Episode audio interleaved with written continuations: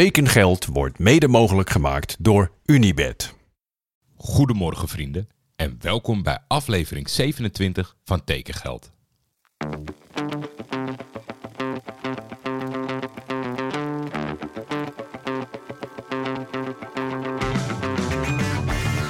Waar gaat Helderman naartoe?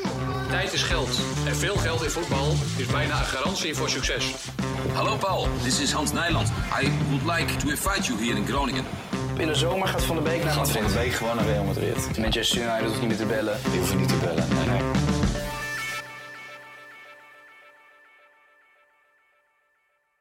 Het was vandaag niet veel, beste luisteraars. Het was lang wachten. Ik heb zelfs voorgesorteerd op het transfer. Helaas is die nog niet rondgekomen.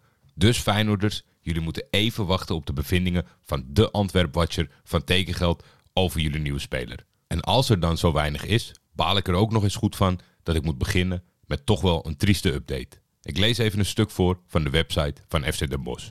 Publiekslieveling Jordi van der Winden stopt noodgedwongen als profvoetballer. De 29-jarige verdediger had een doorlopend contract bij de Bossenaren tot en met 30 juni 2024. Dat contract is nu met wederzijdse instemming ontbonden. Van der Winden raakte op 7 oktober vorig seizoen zwaar geblesseerd in de uitwedstrijd tegen Willem II.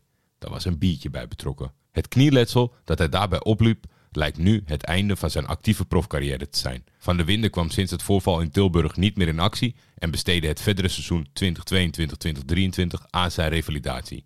In het voorjaar kreeg hij groen licht om vanaf de voorbereiding op het seizoen 23-24 weer aan te sluiten bij de Bosse hoofdmacht. Omdat Van der Winden pijn hield tijdens de trainingen en niet voluit kon rennen, volgde nieuw onderzoek. Hierbij werd een serieuze ontsteking tussen de gewrichten geconstateerd en Van der Winden was terug bij af. Speler en club zijn daarna in alle rust met elkaar in gesprek gegaan om de verdere toekomst van Van der Winden te bespreken. FC Den Bosch betreurt het dat de uitkomst van die gesprekken is dat profvoetbal geen verstandige optie meer is. Yusuf Sayat, het is enorm spijtig dat er op deze manier een vroegtijdig einde komt aan de carrière van Jordi bij FC Den Bosch. Als Jordi het veld opkwam, dan deed hij dat om te winnen. Hij ging altijd voorop in de strijd. Helaas heeft hij in zijn tijd bij de club veel blessureleed gekend. Ook tijdens het revalidatieproces toonde hij zich op en top prof. Dan gingen de schouders eronder en bleef hij zijn medespelers aanmoedigen en inspireren. De voetballer Jordi van der Winden moeten we al een tijdje missen. De persoon gaan we zeker ook missen. Met zijn mentale weerbaarheid en topsportmentaliteit was hij een voorbeeld voor de groep. Wij wensen Jordi niets dan goeds in zijn maatschappelijke carrière en vooral qua gezondheid. Jordi van der Winden reageert zelf. Opgeven komt in mijn woordenboek eigenlijk niet voor, maar mijn lichaam maakt de keuze nu voor mij. Het valt me zwaar dat ik het profvoetbal op moet geven. In mijn hoofd ben ik nog profspeler. Weer opnieuw revalideren werd in alle opzichten wel steeds moeilijker. Niemand kan mij namelijk de garantie geven dat het daarna wel goed is. Er is ook iets vaker dan goed is aan mijn knieën gesleuteld. Technisch gezien kunnen de mankementen verholpen worden, maar hoe vaker je iets laat repareren, hoe groter de risico's worden. De afgelopen maanden heb ik mijzelf de vraag gesteld of ik dit nog moet willen. Ik heb het altijd naar mijn zin gehad bij FC Den Bosch en helemaal afstand nemen van het voetbal zie ik sowieso niet zitten. Rust in het koppie is wat ik nu wil. Ik hoop vooral dat het op een iets lager niveau nog wel lukt en dat ik daar plezier in kan vinden zonder al te veel fysieke klachten. FC Den Bosch en de supporters ben ik dankbaar voor alle steun die ik heb gehad als ik op het veld stond. Maar ook in de periodes dat ik geblesseerd was. FC Den Bosch neemt bij een van de komende competitie thuiswedstrijden op passende wijze afscheid van voetballer Jordi van der Winden. Zoveel die dromen over het bestaan van profvoetbal en dan wordt het op deze manier beëindigd. Heel veel succes en sterkte Jordi. Portugees jeugdinternational Alexander Penetra verruilt Famalicão voor AZ. Penetra is een overwegend rechtsbenige verdedigende speler die sterk is aan de bal, maar ook verdediger zijn man staat. Penetra is eigenlijk een jeugdproduct van de academie van Benfica, hoewel hij alleen tot de onder 19 voor de club uit Lissabon speelde. In 2020 verhuisde hij gratis naar Famalicão. Twee seizoenen geleden was de echte doorbraak van de jonge verdediger in het eerste elftal. Toen hij het seizoen afsloot met bijna 3000 speelminuten op het Portugese hoogste niveau. Penetra is bijzonder veelzijdig en comfortabel en capabel in een 3- en 4-mansverdediging. Hij is een verdediger die bereid is risico's te nemen door te proberen de bal naar voren en in gevaarlijke posities te spelen. Lang dachten ze in Portugal dat Penetra een speler zou zijn die naar de top 3 van Portugal zou verhuizen, maar het is Alkmaar geworden. Ik ben naar deze woorden zeer benieuwd naar deze jongen en of ze nog vaak aan Sam Beukema zullen denken in Alkmaar. Dan ga ik even achteroverleunen, want Beni is terug met een internationale roundup over de Franse competitie. Hi Jordi.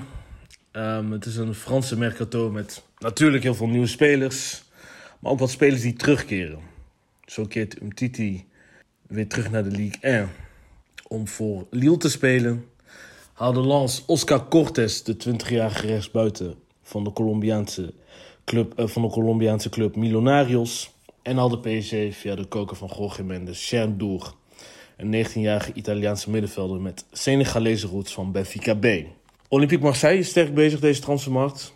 Want voor de aanvallende opties keren Ismaël Sarr en Pierre-Emerick Aubameyang weer terug naar de Ligue 1.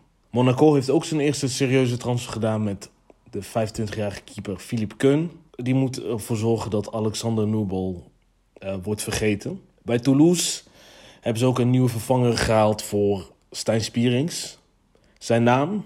Christian Caceres Jr. van New York Red Bulls. En is er ook een nieuwe spits gehaald, genaamd Frank Magri van Bastia. Om het af te sluiten in het zuiden. Montpellier heeft een, haalde de, ook de Bosnische keeper Belmin Disderavic van FK Sarajevo. We gaan naar Normandië, waar Le Havre voor het eerst sinds 13 jaar weer terug is op het hoogste niveau.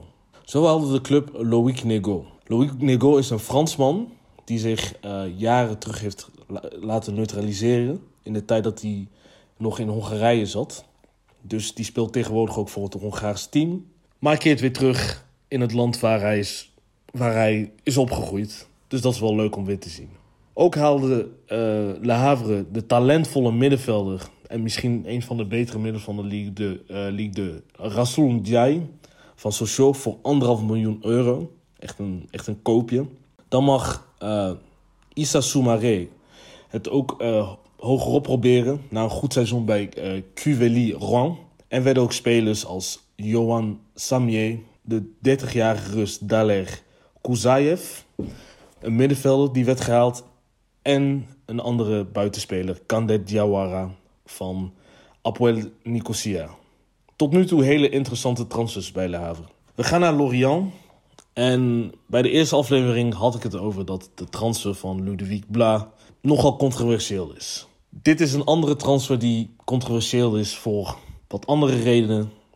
Want Lorient heeft Benjamin Mendy gehaald. Zoals we allemaal weten, Benjamin, Benjamin Mendy is betrokken geraakt in een verkrachtingszaak. Is, is vrijgesproken.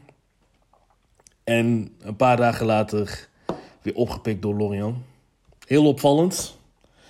En ook vooral opvallend vanuit de Lorient-fans die heel blij zijn met deze transfer. En dat er toch heel weinig kritiek is. Dat valt, ja, dat is, daar valt iets over te zeggen. Vervolgens hebben ze ook de tweede Mendy gehaald, maar dan met de voornaam Formos. Voor 7,5 miljoen euro van Amiens. We sluiten af bij Strasbourg. Ted Bolly Money is nu aan het rollen.